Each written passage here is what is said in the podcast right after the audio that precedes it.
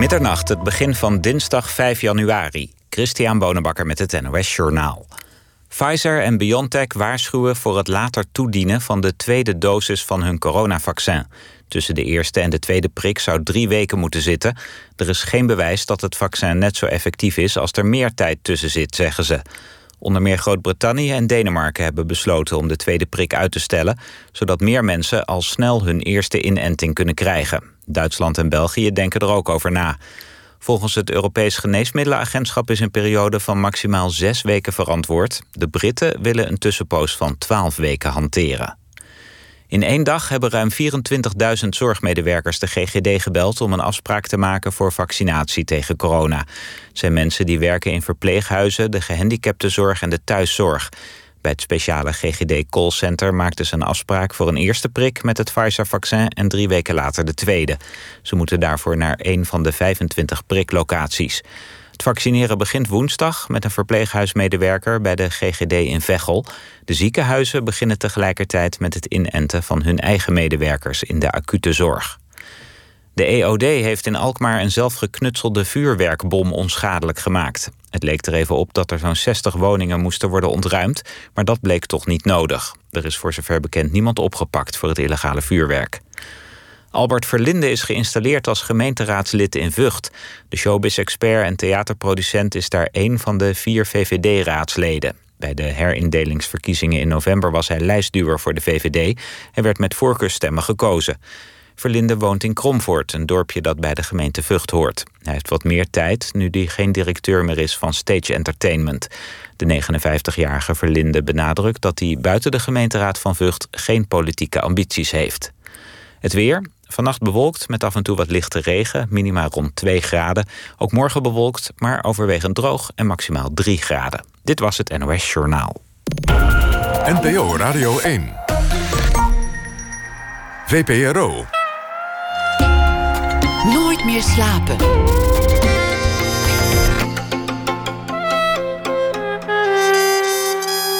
Met Pieter van der Wielen. Goedenacht en welkom bij Nooit meer slapen. Winnen is geen toeval, winnen is een keuze. Ton Boot is hier, basketbalcoach, ooit uitgeroepen tot de belangrijkste Nederlandse coach van de 20e eeuw. En die verkiezing was aan het einde van die eeuw, dat zeg ik er maar even bij.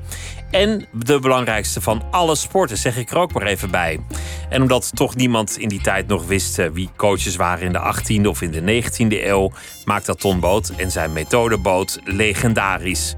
De man heeft verstand van winnen, want onder zijn leiding werd zijn team 14 keer landskampioen. Hij heeft een nieuw boek geschreven dat niet alleen voor sportcoaches, maar ook voor managers en andere individuen, kortom voor iedereen nuttig kan zijn. Het boek heet Voorkom de crisis. Hoe voorkom je dat de verliezende stemming het wint? Dat de negativiteit de overhand neemt? En dat zijn belangrijke vragen, zeker in januari en zeker in een pandemie. Ton Boot werd geboren in 1940. God in zijn jaren als coach als hard, ondergrondelijk en onvoorstelbaar gedreven. Een leven dat voornamelijk in het teken heeft gestaan van de sport. Ton, welkom. Dank dat je gekomen bent. Alsjeblieft. Wat leuk dat je, dat je hier wilde komen. Er, staan, er staan een aantal lekkere citaten in. Winnen is een keuze, dat vind ik al een hele lekkere. Of er zijn geen normen. Ik ben de norm.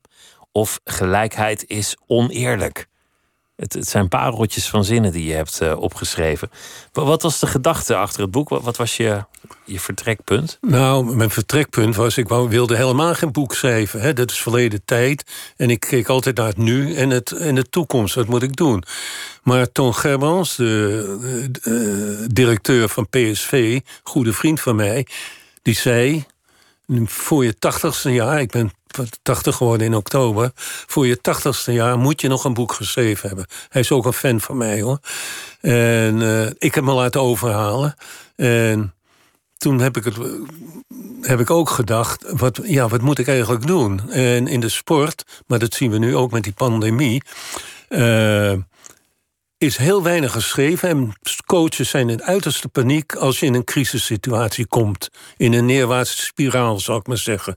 En eigenlijk weet niemand wat je eraan moet doen. Het is pappen en nat houden. Om daar weer uit te komen. Dus stel je hebt een toernooi en, en je verliest de wedstrijden. Je, je dreigt uit het klassement te vallen. Er breekt ruzie uit in het team. De pers schrijft negatief. Mensen gaan eigenlijk al een beetje zoeken of er niet een andere club is waar ze naartoe kunnen. Uh, de clubleiding gaat muiten. En nou ja, waar houdt het op, et cetera. Ja, nou maar goed. De, en wat moet je eraan doen? Hè? Als je overvallen wordt en een coach wordt een ontslag en dergelijke. En toen heb ik eigenlijk bedacht, hoe deed ik het? En toen is het eigenlijk voorlezen uit eigen werk geworden. Hoe ga je met die neerwaartse spiraal om? En mijn conclusie is eigenlijk... Uh, het beste is een crisis te voorkomen. Want op het moment dat je aan symptoombestrijding moet doen, als die crisis al is, ben je gewoon te laat. dus daarvoor moet je eigenlijk al aan de gang gegaan zijn. En ik heb dat gedaan door bijvoorbeeld een eigen cultuur, waar een goede cultuur, de cultuur van de goede gewoonte noem ik het, waardoor je nooit zo diep valt en ook nooit zo lang valt. die opwaartse en neerwaartse beweging in de sport heb je altijd. Maar bij mij is het ook nooit zo diep geworden. En dat is eigenlijk de crisis voorkomen. Ehm, zorg voor een hele goede cultuur in jouw groep. Want als je in die crisis zit, dan ben je te laat. Ja. Dan, dan moet je het uitzitten, hopen dat het ooit voorbij gaat en dat er weer een moment komt dat het beter gaat. De goede gewoonte, dat wil eigenlijk zeggen dat de discipline in het team zo goed is dat ook al zit alles tegen, ze toch in staat zijn om zich te concentreren op wat ze te doen staat, namelijk het spel spelen. Ja, het zijn een paar dingen. Zelfkennis was voor mij belangrijk. Discipline was voor, voor mij belangrijk. En intrinsieke motivatie. En dat, die drie mentale zaken probeerde ik ze bij te brengen. Want uiteindelijk moeten die spelers het zelf ook doen. En in die cultuur is heel erg belangrijk geweest... Uh, de vertrouwensrelatie. Hoe gaat een coach, een leider met zijn groep om? En hoe gaan die, die groep onderling met elkaar om? Dat kan alleen maar als er volkomen vertrouwen in elkaar is. dus ik praat niet over vriendschapsrelatie, want dat is juist fout, denk ik eigenlijk. Dan ben je niet meer, uh, laten we zeggen, objectief. maar uh, vertrouwensrelatie is eigenlijk het allerbelangrijkste. En dat heb ik geprobeerd uh, in mijn teams zo te krijgen. Door open te zijn, door duidelijk te zijn en door ook alles altijd te doen ja. waar iedereen bij is. Ja, nou, in de eerste plaats moet je al weten wat vertrouwen is. Hè? Want uh, wij hebben een vaag beeld van wat is vertrouwen. En toen, daar heb ik over nagedacht. In 2000 of zo las ik in de krant dat in de DSB-ploeg, dat is een schaatsploeg, uh, ruzie was tussen de coach, Leen Frommer, toch een goede coach in die tijd, en uh, Marianne Timmer en Jan Bos. En dat was zo'n spetterende ruzie dat ik dacht toen ik dat las, die moet uit elkaar gaan. Het vertrouwen is weg en wordt ook nooit meer hersteld. En toen vroeg ik mezelf af, ja, ik heb wel een beeld van vertrouwen, maar wat is het nou feitelijk? Hè? En dus in dat boek, en voor mezelf, heb ik toen vijf criteria gemaakt. Een coach moet competent zijn. Anders vertrouw je hem niet. Als een arts niet competent is, vertrouw je een arts ook niet. Hij moet een hele positieve intentie hebben. En geen negatieve intentie. Hij moet geen sadist zijn, bijvoorbeeld. Hij moet natuurlijk eerlijk zijn. Hij moet duidelijk zijn en eenduidig en consequent zijn. En dat waren voor mij de vijf criteria. En daar toetste ik mijn, het vertrouwen altijd aan. En jij noemde al openheid en dergelijke, eerlijkheid. Zo ging ik met die groep ook om. En dat wil dus ook zeggen dat als, ik, als er iets in die groep was, deed ik het ook altijd in de groep. Loste ik het op. Jaap heeft vandaag heel slecht gespeeld. Dus iets dat je bij voorkeur uitspreekt waar de hele groep bij is. Ja, dat doe ik omdat een groep, als ze elkaar vertrouwen, geen geheimen voor elkaar hebben. Ze hoeven niet bang te zijn dat ze uitgelachen worden. Want dat zegt meer over degene die uitlacht dan die uitgelachen wordt. En een groot voordeel is dat je weer even duidelijk maakt hoe de normen zijn. Dat is voor die hele groep. Maar ook heb ik later gemerkt, en dat was niet de bedoeling, dat als iets in de pers komt, dat het niet meer verkeerd uitgelegd kan worden. Nee, ik herinner me dat, dat je geen gesmoesel krijgt. Nee, ook niet naar buiten. Ik herinner me dat Van Marwijk in, 19, in 2012 uh, met het Nederlands elftal slecht Europees kampioenschap speelde. En ook ruzie had met uh, Huntelaar. En die hebben het onder vier ogen op de Kamer uh, uitgesproken. Nee, vergeet dat maar uitgesproken. Ze kwamen allebei naar buiten met een totaal andere versie van het ja, gesprek. Precies, precies. En dat kan dus niet gebeuren als je het in die groep doet. He, dus uh, het heeft allerlei voordelen. Je, je was, er is een, een fragment uit een documentaire, alweer jaren geleden gemaakt, van, van jou echt in je hoogtijdagen voor zo'n groep. En dan stuur je een speler die uit Israël naar Nederland was gekomen om misschien mee te doen met het team. Binnen drieënhalve minuut van het veld gaan maar terug naar Israël. Dit wordt helemaal niks. Hm. In, in dat filmpje, toen ik het zag, dacht ik: dit is keihard. Deze man is meedogenloos. Deze man kent geen enkele scrupule. Zoals hij die speler gewoon op zijn eerste dag van het veld stuurt. om nooit meer terug te komen. Tegelijk dacht ik er meteen achteraan: oké, ze kwamen ook niet om vrienden te worden. Er, er moest een, een spel gespeeld worden om te winnen. Ja. Hoe, hoe kijk je daar terug op, op, die, op die hardheid? Nee, maar kijk, er is al sowieso een groot verschil tussen de alledaagse werkelijkheid en de sportwerkelijkheid, die topsport waarin ik zat. Is een andere wereld. Dit is een heel andere wereld. En die topsport, ik was met die, het was trouwens een Amerikaan die uit Israël kwam, die had daar gespeeld. Dat was het, ja. Ja. En met die Amerikaan had ik van tevoren een gesprek gehad van 10 minuten ongeveer. Heb ik tegen hem gezegd: jongen, regels. Je zal wel merken hoe het gaat bij ons. Hè, maar ik wil één ding van jou: je moet je uiterste best doen. Ja, coach. Luister nou even goed naar me. Je moet je uiterste best doen. Ja, coach. Nou, we waren op die training en hij in de eerste vijf minuten. Uh, deed hij niet zijn uiterste best. Liep hij de kantjes ervan af. En toen heb ik gezegd... vijf minuten daarvoor had ik het nog met hem over gehad... heb ik gezegd, nou, het wordt niks tussen ons. met... En nu even het verschil tussen de alledaagse werkelijkheid en de topsportwerkelijkheid. In de alledaagse werkelijkheid heb je het voordeel van de twijfel in die topsportwerkelijkheid waarin ik zit en zoals ik denk, heb je het nadeel van de twijfel. ik kan niet op het laatst zeggen aan het eind van de competitie: sorry, we zijn geen kampioen geworden, maar we hebben wel ons uiterste best gedaan, maar het heeft niet helemaal gewerkt. zo werkt het niet. dus, het moet extreem, want het is een extreme sector. Ja, dus bij mij gold in, die, in mijn werkelijkheid waar ik was het nadeel van de twijfel. Nee, als ik weer thuis ben en ik heb vroeger ook lesgegeven op scholen met kinderen. Ja, die geef je het voordeel van de twijfel natuurlijk. Hè? Maar het is een verschil in welke situatie je bent. Is dat ooit uit te leggen aan mensen zoals ik buiten de sport, die die wereld niet kennen en niet voelen? Ja, maar ik heb het nu uitgelegd. Ik begrijp het rationeel, maar bij het zien van de beelden zullen toch de meeste mensen denken: ja. Godsamme, wat een hork. Ja, nee, dat, denk, dat, dat weet ik. Maar als ik nu, zoals ik het nu uitgelegd heb, denk ik dat, dat jij er niet meer zo over denkt. dat jij die, die verschillen ziet. En in mijn werkelijkheid moet ik zo zijn. ik denk wel eens aan mensen die in de alledaagse werkelijkheid... wat een softies zijn dat. dus uh, ja, dat is ook verkeerd. Want dan kijk ik het vanuit het perspectief van die topsport. Nee, ik moet het vanuit het perspectief van degene die daar bezig is natuurlijk. Je schrijft, als je coach bent, dan ben jij de norm. De norm, dat ben ik. Ja. En je hoeft aan niets anders te relateren behalve aan de coach. Ja. Dat vraagt wel dat, dat, die, dat die coach in het reinen blijft. Ja, nou, eerst even wat een arrogante vent is dat. Ik ben de norm. He, maar, Klinkt een beetje als de zonnekoning. Ja, de zonnekoning, maar dit is niet de bedoeling.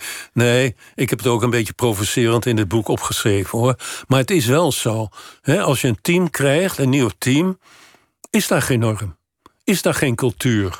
elk groot bedrijf dat al jarenlang werkt, uh, of een school of wat dan ook, heeft een eigen cultuur, een bedrijfscultuur, een organisatiecultuur. En dat is heel nuttig, want dan weet iedereen waar ze aan toe zijn. Het is een soort kapstok, cement in, die, in het geheel, zal ik maar zeggen. Nou, een team, als je een nieuw team krijgt, heeft dat nog geen cultuur. Het is een tabula rasa, een onbeschreven blad papier. En die moet dus een cultuur krijgen. Nou, wat is dan makkelijker? Om een cultuur te maken. En die cultuur maak ik natuurlijk, dat maakt geen speler, maakt de coach zelf. En daar behoort bij eerlijkheid, uh, je uiterste best doen. Uh, uh, nou, geen overlegmodel, niet we gaan nee, met z'n allen zitten. Het is absoluut niet een overleg. Ik wil ze wel uitleggen als ze er een vragen. He, maar, maar het is uitleg, geen overleg. Ja, dus absoluut geen overleg. Maar zo krijg je een cultuur. En als je die niet. Kijk, een groot, als je die niet hebt, dan weten mensen niet waar ze aan toe zijn. Bovendien, een groot voordeel is, ik heb eh, niks meer te maken met de cultuur van die spelers. Ik weet nog dat Frank de Boer in zijn eerste jaar bij Ajax met El Hamdoui grote ruzie had. Hele goede Marokkaanse voetballer. En El Hamdoui klaagde, hij begrijpt de Marokkaanse cultuur niet. Nou, dat had bij mij nooit voorgekomen, want ik had tegen El Hamdoui gezegd: dat interesseert me ook niet. Jij moet mij maar één cultuur, de teamcultuur, die komt van mij. En, waar je verder vandaan komt, dat los je zelf maar op. Ja, en als je buiten het team bent, geen wedstrijden speelt, niet op trainingen bent, dan ga je weer, weer lekker naar je eigen cultuur. Betekent dat dat je spelers, als je die nieuw binnenkrijgt, ook moet afbreken, om het oneerbiedig te zeggen? Nee, het, dat wordt wel eens gezegd van mij. maar eh, dat is het, wat ik net noemde, eigenlijk een van de zaken waar ik aan werkte: zelfkennis. Je ziet met spelers vaak dat ze denken dat ze beter zijn dan dat ze werkelijkheid zijn. Werkelijk zijn. En ik wil spelers verbeteren. Maar als ze denken dat ze al goed zijn, dan lukt dat niet natuurlijk. Hè? Ze moeten wel met beide voeten op de grond en precies weten hoe ze zijn. Nou, alleen met die spelers, want een heleboel spelers weten het wel precies hoe ze zijn. Maar alleen met die spelers probeer ik die weer terug te krijgen op het normale, zal ik maar zeggen. En dat is een hele lastige situatie die de buitenwacht interpreteert als afbreken van iemand. Nee, dat is mijn bedoeling niet. Ik zet hem gewoon even op zijn plaats. Hoe doe je dat? Nou, ik zeg maar, je moet altijd in. Wij zijn nu aan een analyse bezig, moet je altijd alles zwart-wit zeggen. Hè? Hoe ik het doe, ik zeg tegen de jongen: uh, Jongen, je kan er nog niet zoveel van. Maar ik denk dat je heel erg goed kan worden. dus je moet, even... je moet wel altijd positief eindigen, want je bent zelf in het boek zeer tegen negativiteit. Ja. Negativiteit moet, bijna verboden worden in het ja. team. Ja, maar goed, als ik zeg, uh, je bent nog niet zo goed... dan is heel belangrijk, is dat waar of is dat niet waar? Nou, dat het is een bewering die waar is. maar verder is... Want het komt van de coach. Ja, ja dat is zo. Ja. Maar naast die bewering heb je ook een intentie. En die intentie is, ik wil je heel goed maken. dus men gaat naar de inhoud van die bewering, wat is hij negatief bezig? En ik ga naar de intentie, wat is hij positief bezig? dus als ik iemand beter wil maken, ben ik altijd positief bezig. Dus kritiek op iemand is per definitie in mijn oogpunt, eh, in mijn ogen, positief. Te alle tijden positief. Het kan wel inhoudelijk een negatief Maar de intentie is altijd positief. Mijn tegenvraag aan jou is: alle spelers accepteerden dat ook van mij, hè, omdat ze dat wisten. Negativiteit, schrijf je, dat, dat vond ik wel een mooi punt. Je moet niet hebben dat mensen halverwege een wedstrijd zeggen. Uh, verdomme of, of shit of wat dan ook. Als het slecht gaat, want dat, dat voedt alleen maar de negatieve sfeer. Ja. Dat moet, dat moet uitgeroeid worden. Ja. Nou, je hebt, uh, ik dacht eigenlijk, als, als je in zo'n crisis en slecht gaat, heb je een aantal symptomen. Dat is pessimisme. Zie je, je, je kan het nu even vergelijken met die pandemie die er nu is. Pessimisme, het is negativisme. En als team val je uit elkaar. dat zijn de, de, iedereen gaat zijn mening geven, iedereen gaat analyseren. Ja, het valt al uit elkaar. He, nou, het pessimisme dat is heel lastig en dat moet je, laten we zeggen, menselijk behandelen. Negativisme wil ik niet. ik wil niet dat op zo'n slecht moment, als het, eh, als het dus al slecht gaat, dat iemand negatief is tegen zijn medespelers. Uh, dat iemand negatief is tegen het publiek. Negatief tegen. Je bent met jezelf bezig en je bent altijd positief bezig. En negativisme, anders dan pessimisme, waar ik mee in gesprek ga en probeer dat te veranderen. Negativisme wil ik niet afgelopen. Ik wil, ik wil het nooit meer zien. En als ik het nog een keer zie, kan je vertrekken. Die vergelijking met, met de pandemie is interessant, omdat dat deze methode op zich ook wel op die grote schaal toepasbaar is. Maar als iemand een heel land moet coachen om, Ja. om, om zich aan maatregelen te houden, Ja, dan, dan wordt het wel heel groot. Ja, een nou, team dus- van 10 spelers is nog wel te overzien, maar het land Ja. met 17 miljoen daar heb je volkomen gelijk corona-experts, dat wordt best wel ingewikkeld. Nou, daar, daar heb je volkomen gelijk in. Mijn bedoeling was ook niet om Rutte even te zeggen hoe hij het moet doen of iets dergelijks. Maar er zijn wel parallellen. De- maar er zijn hele grote parallellen. Als ik het bijvoorbeeld over. Nou, we hebben het net over negativisme. Dat zie je ook om je heen in de maatschappij ontstaan. Pessimisme zie je het uit elkaar vallen. Eh, het gebrek aan vertrouwen. En dat komt weer, dan komen die, naar die, eh, wat ik net zei over de vertrouwensrelatie, de onduidelijkheid, de inconsequentie van het beleid. Hè, eh, eh, met mondkapje, ik kan zo voorbeeld. De oneerlijkheid vaak. De negatieve intenties zelfs. Waar de regering en Rutte ook van verdacht wordt. En dan verlies je gewoon de autoriteit, dan verlies je het nou, gezag. Ja, dus dat is een parallel wat je wel even ziet. Ik heb een klein team en dat is eh, van acht of tien man en dat is makkelijk te behappen. Maar men kan dit wel als een model zien, een ideaalmodel, hoe het eigenlijk zit. Alleen als met een, met een eh, groter team, met een geheel land, zal je toch compromissen moeten zien, moeten zien te vinden natuurlijk. Maar eh, de belangrijke dingen blijven bestaan. Dit, dit is een, een, een boek dat is voortgekomen uit een heel werkend leven in de basketbal. Eerst als Ja. speler en dan als coach. En ook in heel veel andere functies waarin je advies hebt gegeven. Eigenlijk een leven, als ik er zo van afstand naar kijk, dat helemaal in het teken stond van Ja. werk. Ja. Altijd maar aan het werk. Ja, nou, dat is ook zo. Maar ik, dat is, ik wil nog één ding zeggen, wat eh, andere coaches, geen enkele coach ter wereld ook gedaan heeft. Ik heb na elke 3,5, 4 jaar altijd een sabbatical genomen. En nu op je vraag terug te komen. Het werken, ja, het is bijna 24 uur per dag werken. En je kan wel nagaan, als je dat je hele leven doet, zonder rust, zal ik maar zeggen, dan, vraag je op een burn-out natuurlijk. Hè? Had je dat al zo vroeg bedacht van, van als Ja. ik dit wil volhouden, dan moet ik eigenlijk strikt Ja. elke drie, vier jaar er een jaar tussenuit iets anders doen. Ja. En dan wel weer opnieuw beginnen. Ja, een leuke vraag hoor. Want daar heb ik ook. eh, Daar heb ik, ja, van het begin af aan heb ik dat wel bedacht. Dus dat had ik in mijn hoofd. Ik moet om de twee, drie, vier jaar moet ik stoppen. Hè? Dus ik ben in mijn hele carrière zes of zeven keer gestopt. Heb ik een sabbatical year. Nou, geen enkele coach waar ter wereld, in welke sport dan ook, heeft dat ooit gedaan. En het heeft mij heel veel ge- gebracht. Er zijn ook weinig coaches die zo lang zijn doorgegaan in, in leeftijd.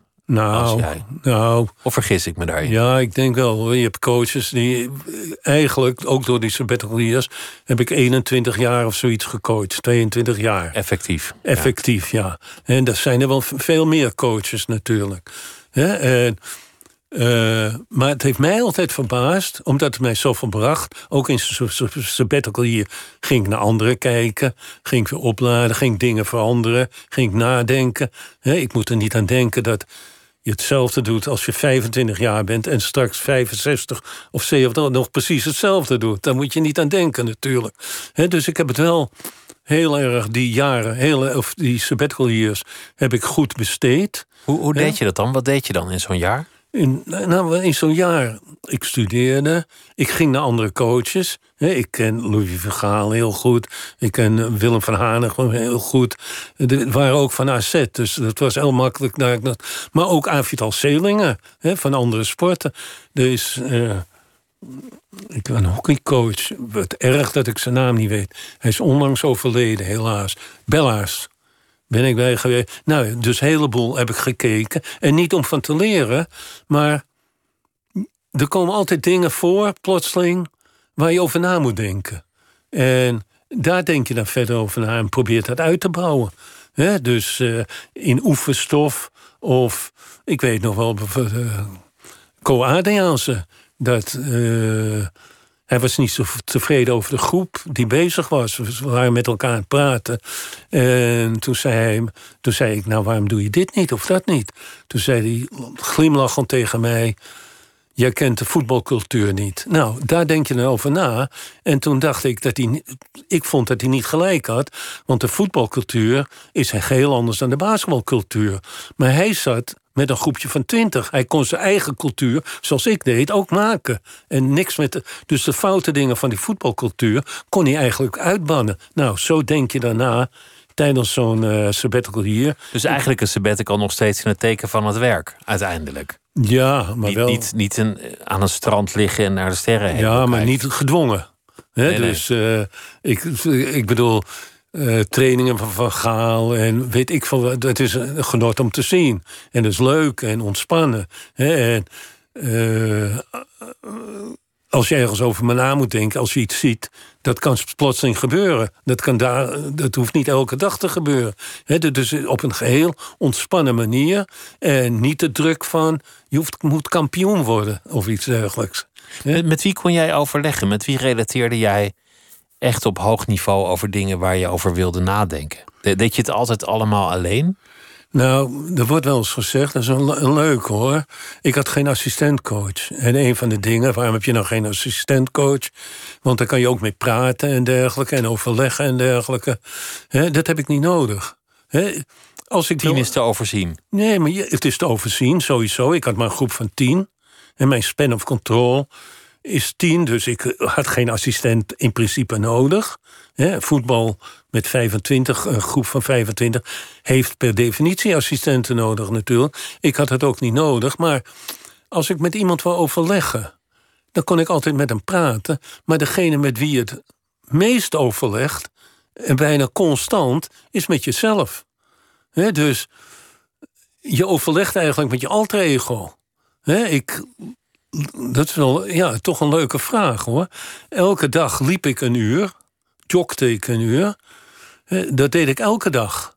En het joggen, dat was eh, een beetje fysieke arbeid, maar niet veel. Maar het was ook met mijn alter ego in gesprek.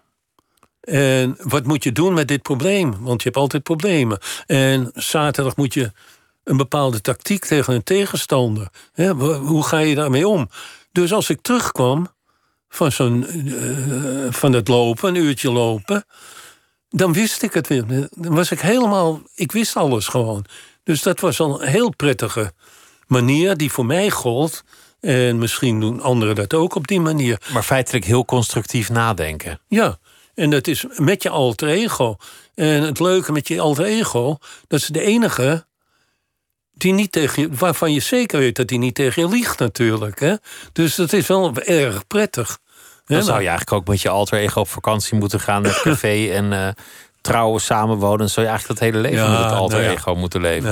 Nee, nou, het is ook zo. Maar er zijn een paar mensen om je heen die je wel volkomen vertrouwt natuurlijk. Hè? Je hebt vrouwen en kinderen. Nou, die vertrouw ik wel. Heb, je, heb, je, heb je toch, ondanks je gezin en je kinderen en, en je vrouw, solitair geleefd? Ja, eigenlijk wel. Eigenlijk is een sabbatical year leef je niet zo solitair. Je gaat wel naar anderen toe en zo, maar dan ben je meer sociaal bezig.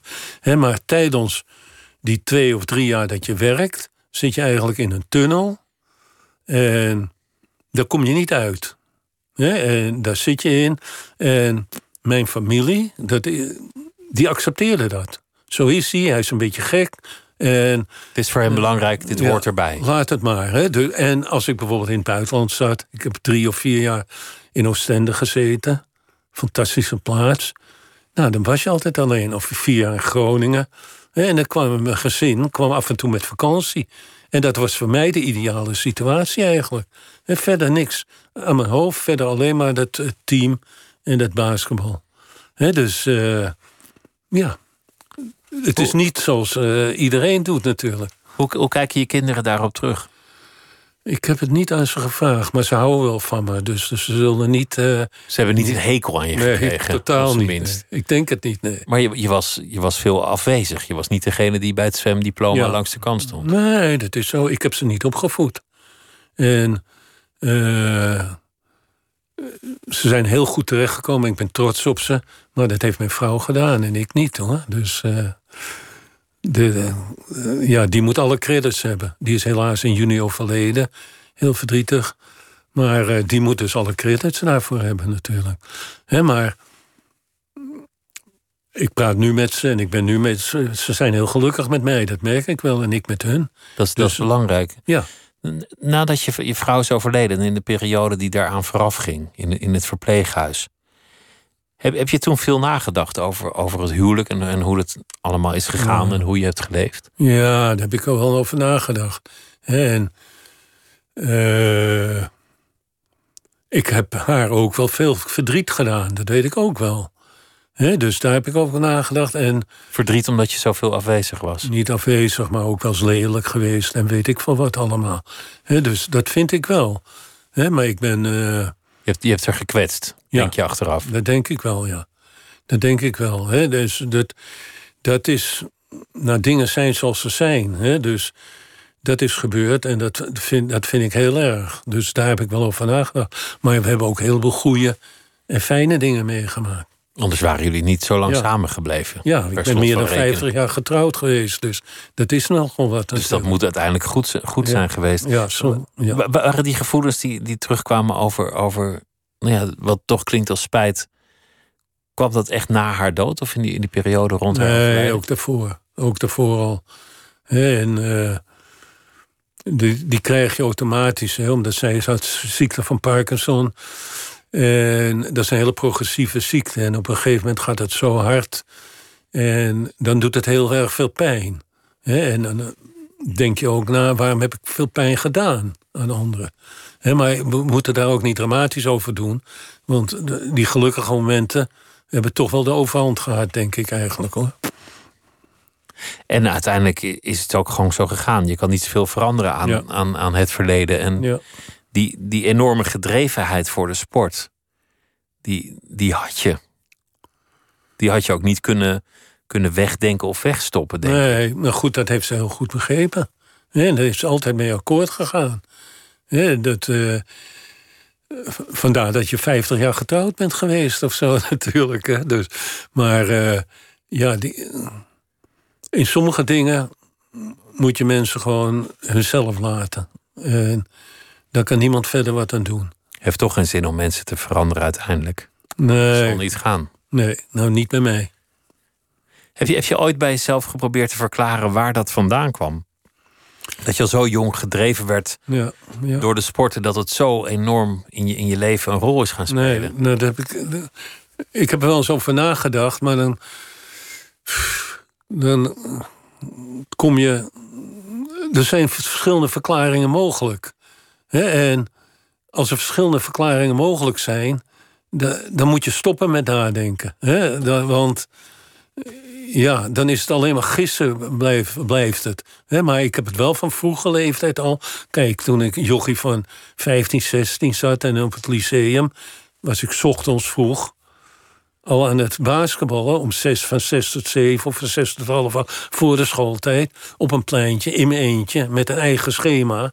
Nou, dat is heel bijzonder natuurlijk. Zeker voor een teamsporter. Een individuele sporter...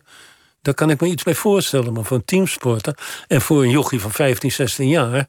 Hè, dus die gedrevenheid, ja, die heb ik wel gehad. Maar hoe dat verklaard kan worden, dat weet ik niet. Het was gewoon zo. Ineens was daar Ja. een bal, ineens was daar een plein, ineens hing daar een nou, mandje. ineens... eh, eh, Kijk, je doet natuurlijk dingen op een gegeven moment vaak... door je vriendenkring ingegeven. Eh, op scholen, vooral op middelbare scholen toen in Amsterdam... werd er gebasketbald. Mijn vrienden basketbalden altijd. Dus het is ook een zekere toeval. Want als je vrienden die wielrennen of gevoetbald hadden... dan had dat misschien gebeurd.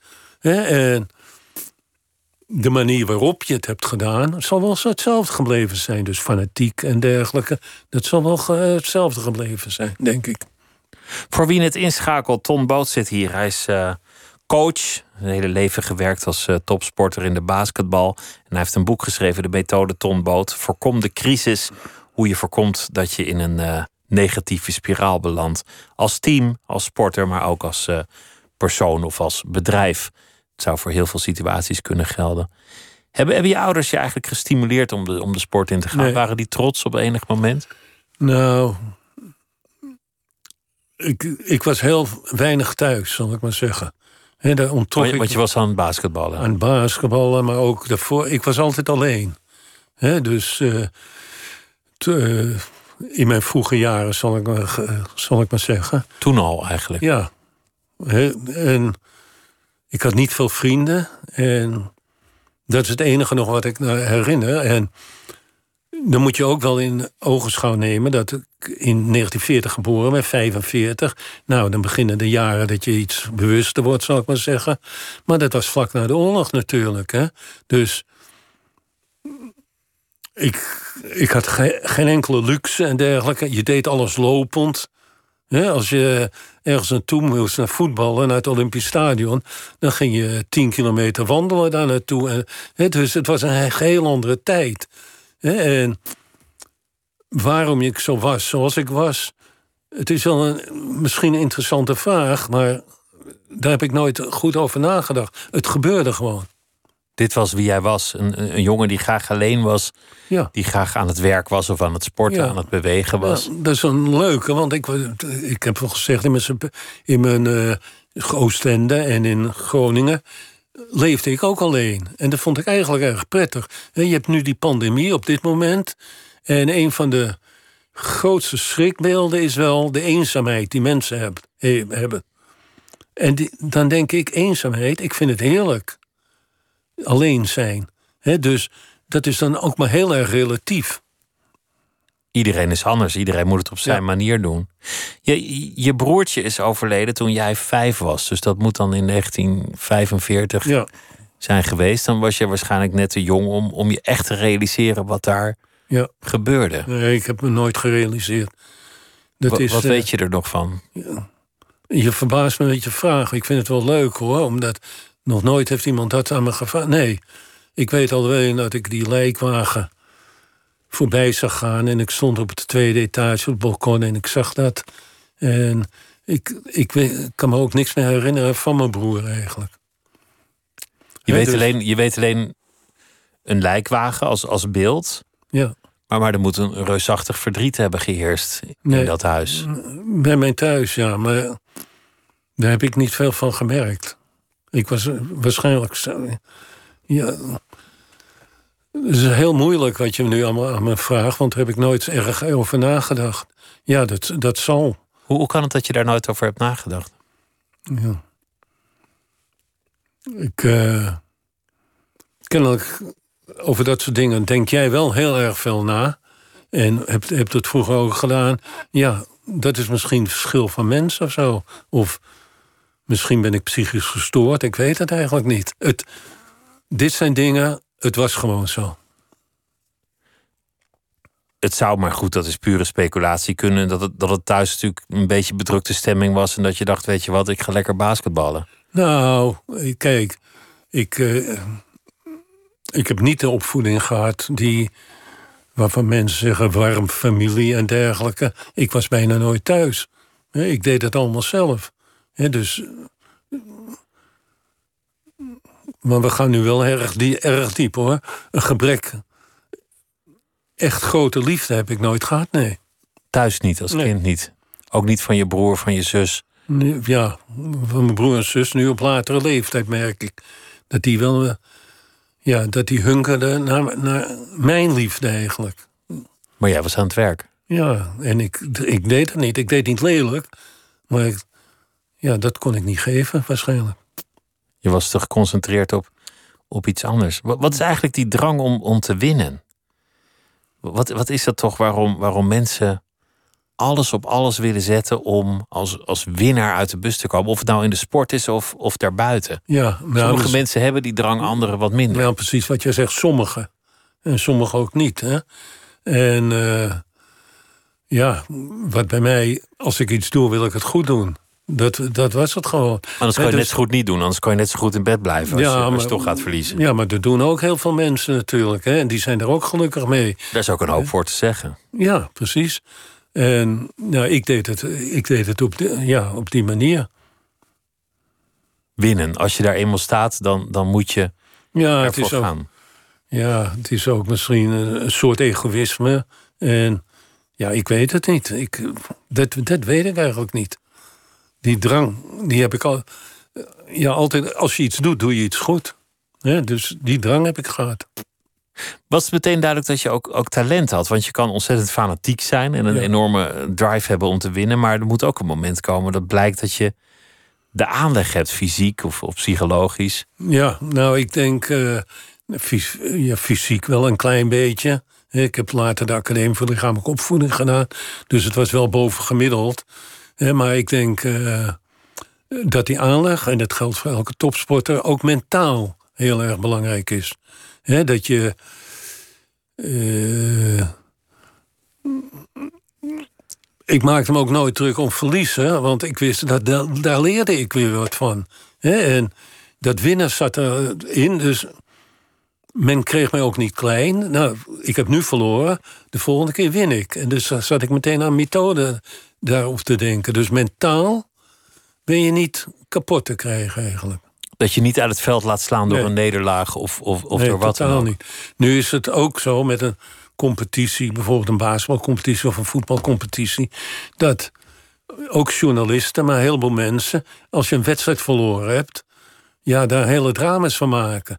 Maar het gaat maar om één ding: je moet kampioen worden. Dat einddoel, dit zijn maar doelen.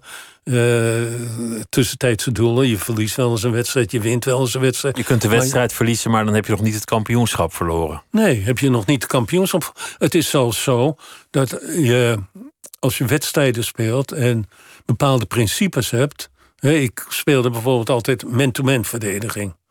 Hè, met dat principe.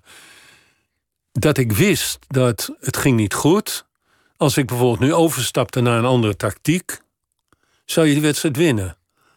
Maar dan zou ik die wedstrijd wel winnen, maar de oorlog verliezen. Ik bedoel, dan geloof, zouden ze niet meer in die strategie van mij geloven natuurlijk. dus dat liet ik gewoon zijn gang gaan. en we moesten wel weer leren van het verlies. Maar je moet ook niet vergeten dat je speelt altijd op een gemiddeld niveau, maar het is altijd in een golfbeweging. Iets erboven, iets eronder, iets erboven. En dat gebeurt altijd. Je hebt goede avonden en slechte avonden. Ja, dat, dat is gewoon, dat gebeurt gewoon. En daar moet je je ook niet druk om maken. Je moet je druk om maken om die neerwaartse spiraal. Als niet het golfbeweging meer, maar een diepe val naar beneden natuurlijk. Dus je moet ook een beetje relativeren. Wat, wat tegenwoordig volgens mij in, in vrijwel alles veel verandert, maar ook in de sport dat zijn social media. Ja. Spelers komen van het veld af en dan, uh, nou ja, dan knuffelen ze met hun kinderen. En dan soms loopt die camera wat langer door. En dan zie je eigenlijk dat vrij snel er op mobieltjes wordt gekeken. Ja. Coaches, commentatoren. Ja.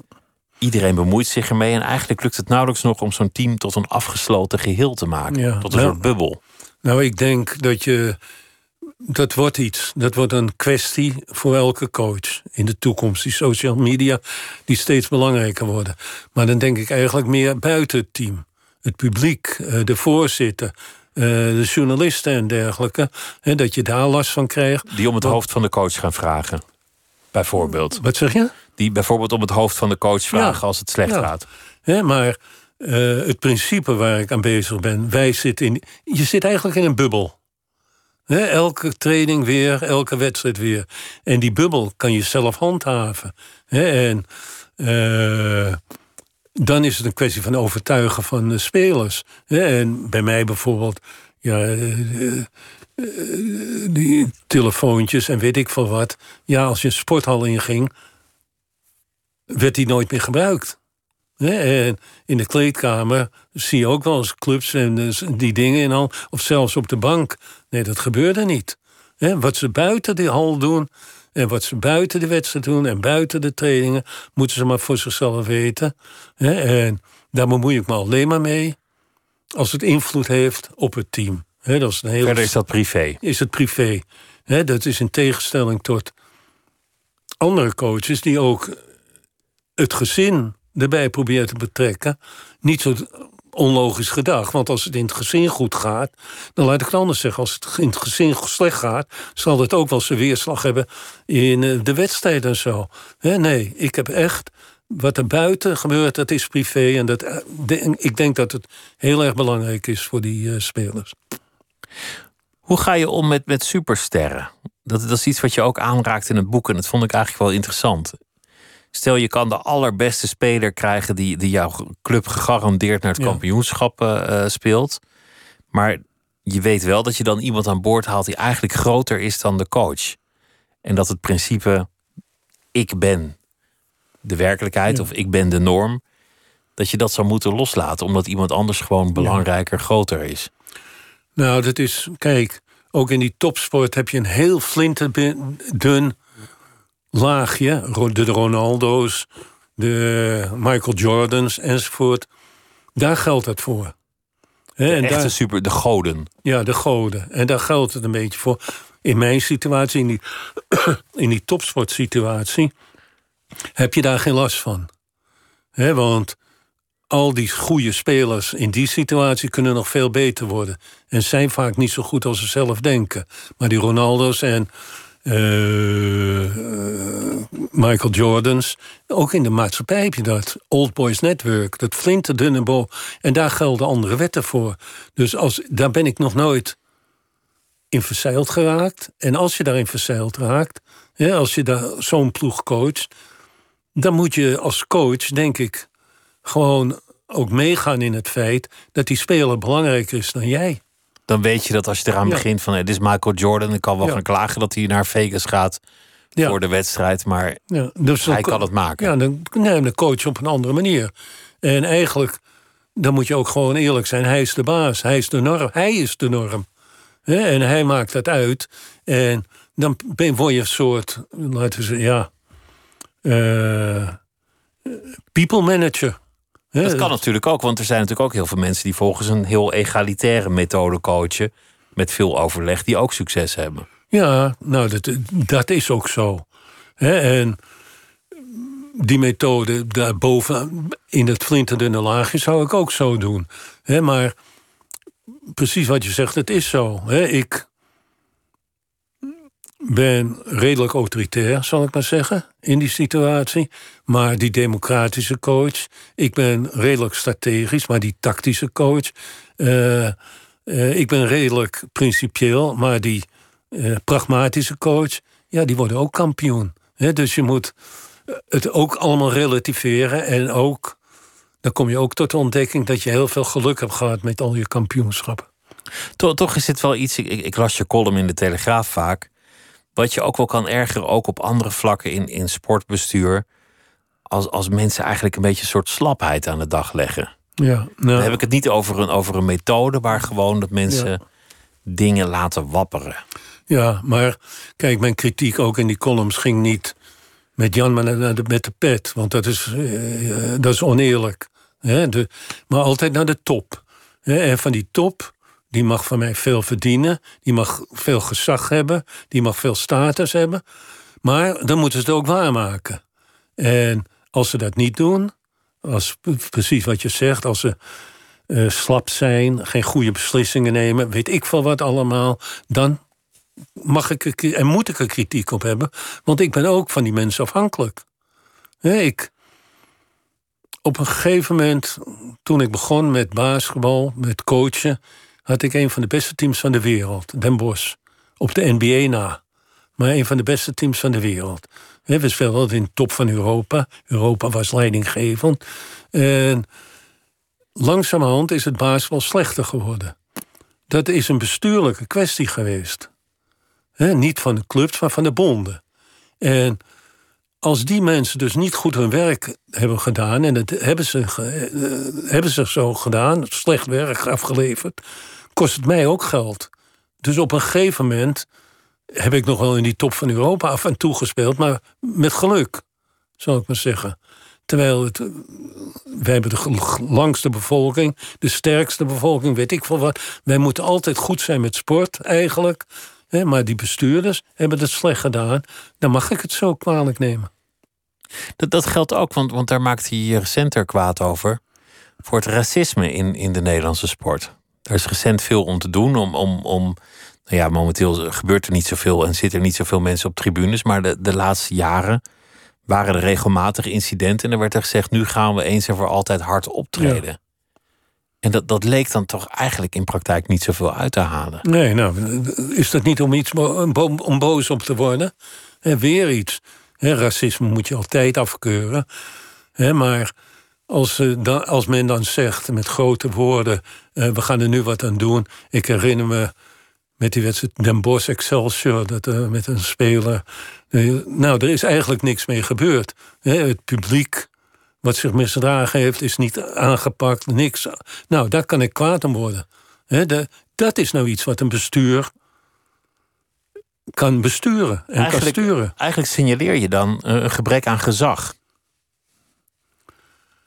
Uh, is dat een goede interpretatie? Dat, dat je eigenlijk ziet dat, dat de mensen die het gezag zouden moeten hebben of nemen, dat nalaten? Ik zou niet zeggen een gebrek aan gezag, want dat hebben ze toch niet, dat soort mensen. een gebrek aan kunde, zou ik het eigenlijk uh, willen noemen. En van mensen aan de top, van leidinggevende positie, in een leidinggevende positie, moet je juist, kan je kunde verwachten. Daarom verdienen ze zoveel geld. Daarom hebben ze een hoge status. Daarom enzovoort.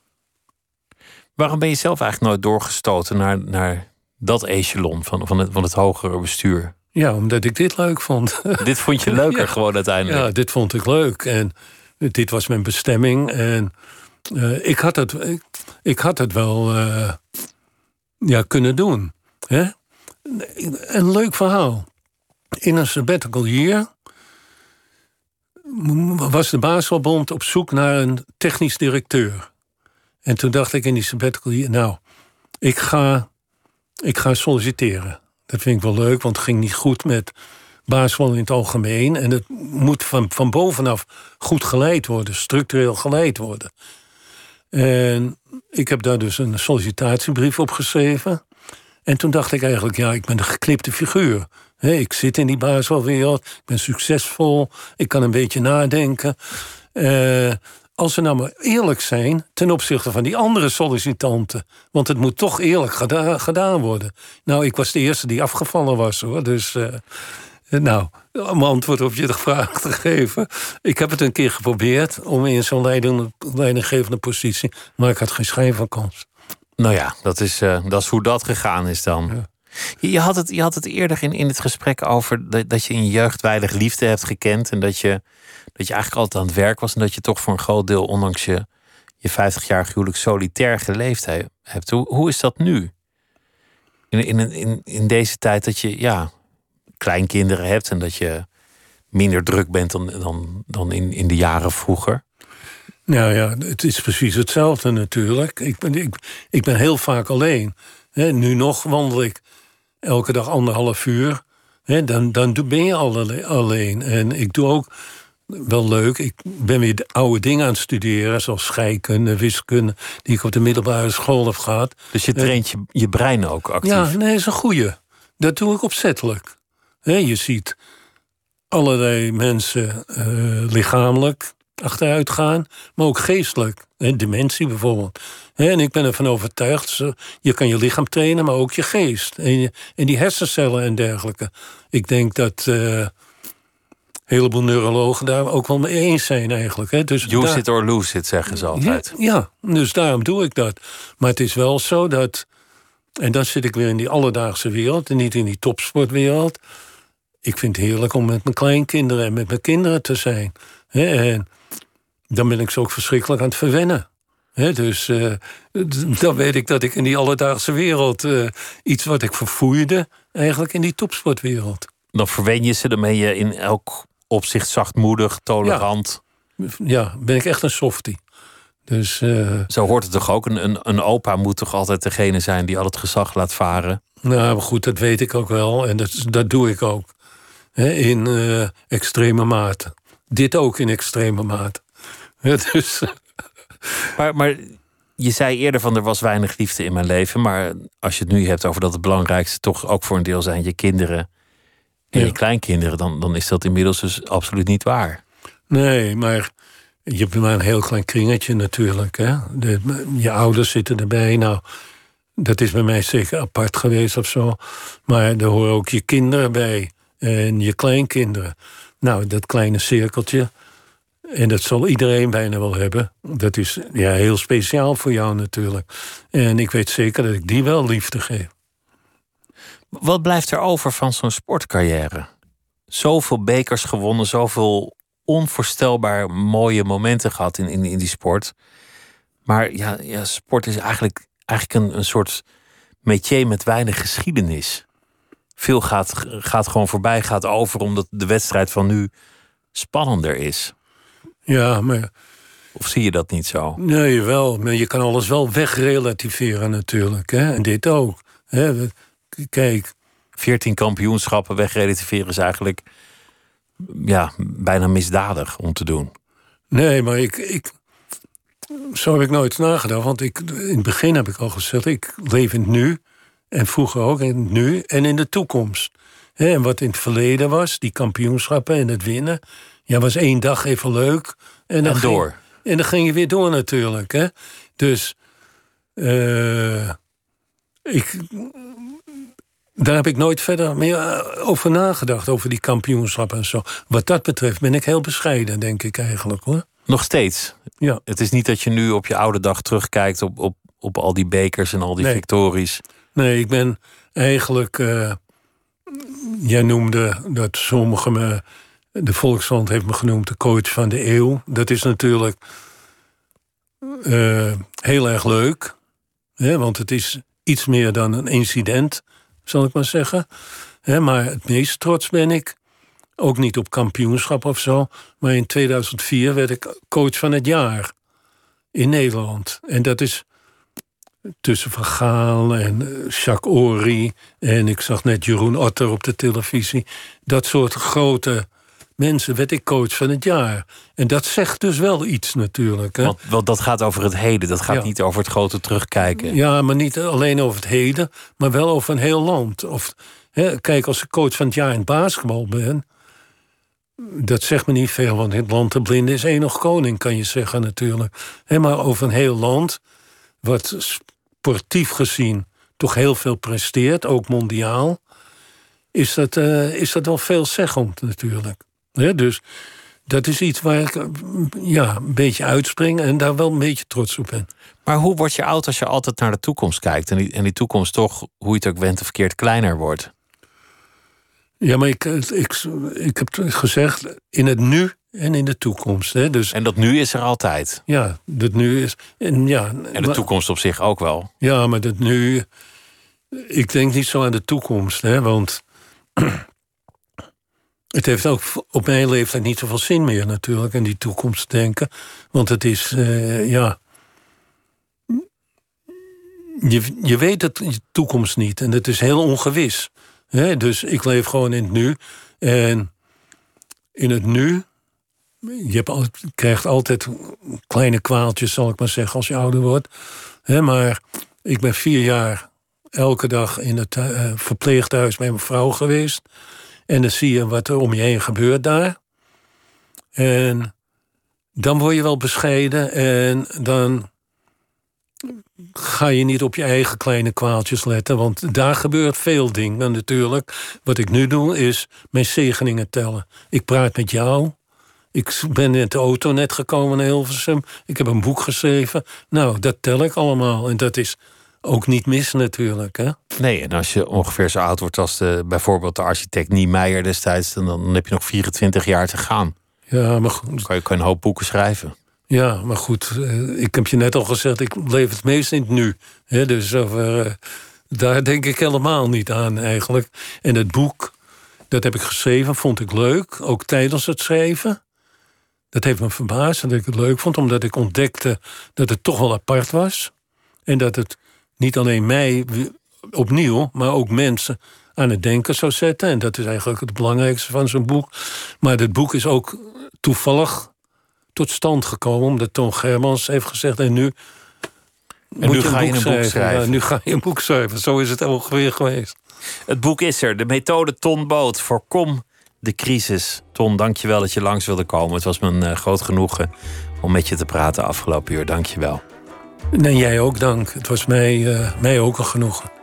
En dit was uh, Nooit meer slapen voor deze nacht. En zometeen uh, kunt u luisteren naar Miss Podcast met Misha Blok.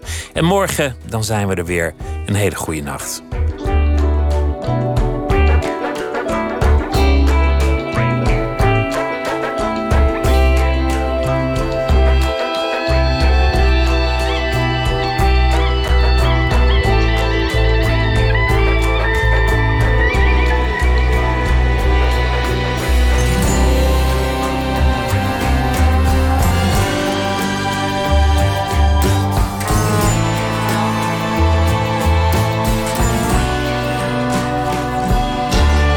Radio 1.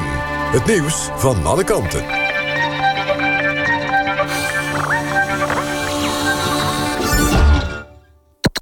NPO Radio 1.